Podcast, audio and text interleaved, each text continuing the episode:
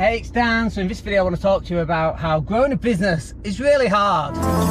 Welcome to the Daniel Latto Podcast Show. Fresh content covering business, investing, marketing, money, health, and more. Hey, it's Dan. Hope you're well. CrossFit session just done there.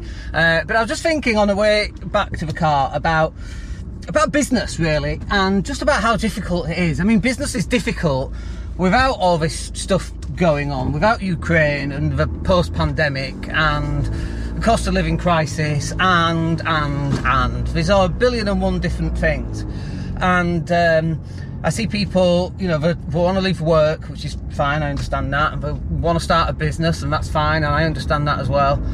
But they have this idea that it's going to be this well, I was going to say transformative, but it is absolutely transformative, but sometimes not in a way that you want it to be. It can be quite a negative experience because it's hard work, right? You know, you, we live in this optimistic world, don't we? For many people, anyway. Um, you can be whatever you want. You can. All you have to do is set your mind to it, and you can achieve it. And it's bullshit.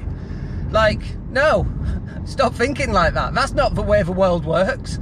Otherwise, we would all be doing exactly what we wanted to be doing. And that is not the way that the world works.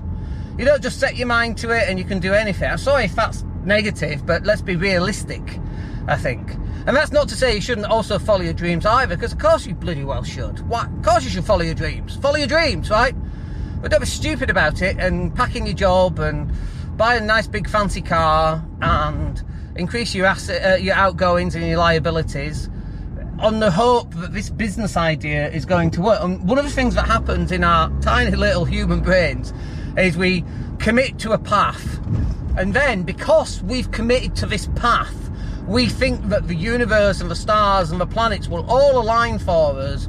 And if we just work hard enough, and if we just believe long enough, and if we just have the faith, that it will all tie in together. Uh, and it, no, like I tell you what the universe does. The universe gives you a gimme. A gimme is it'll throw you a fish. It'll give you an opportunity to do something right to build false confidence. That's what the universe does, and it's very, very good at it, at building this false confidence. And it happens all the time. So you've got to watch that. You've got to put yourself in a position of realistic expectations. The fact that you expect your business to take off and it fly is just not going to happen. Like, I wish, I wish it would for you. It's just not gonna. Like, the chances are you're not, um, what's he called? Facebook guy, Zuckerberg. The chances are you're not Elon Musk. The chances are you're not, I don't know, Alan Sugar. I don't know, Richard Branson, uh, Buffett. Like, there's a good chance that you're probably not that. And there's also a good chance that you're going to fail nine times out of ten. But that one out of ten, that's the bit that's worth going for. You just got to be aware that you got to go through nine times of failure to get to the tenth. And you know what? Sometimes it's not nine. Sometimes it's 99 failures to get to your hundredth. And you know what? Sometimes it's not 99.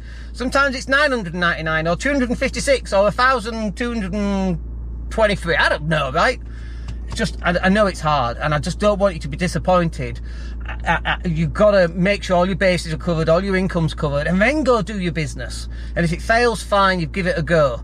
But, you know, don't leave work, be in this position of not having income where you're forced to make it work. Sometimes that can work, by the way, but like, who knows?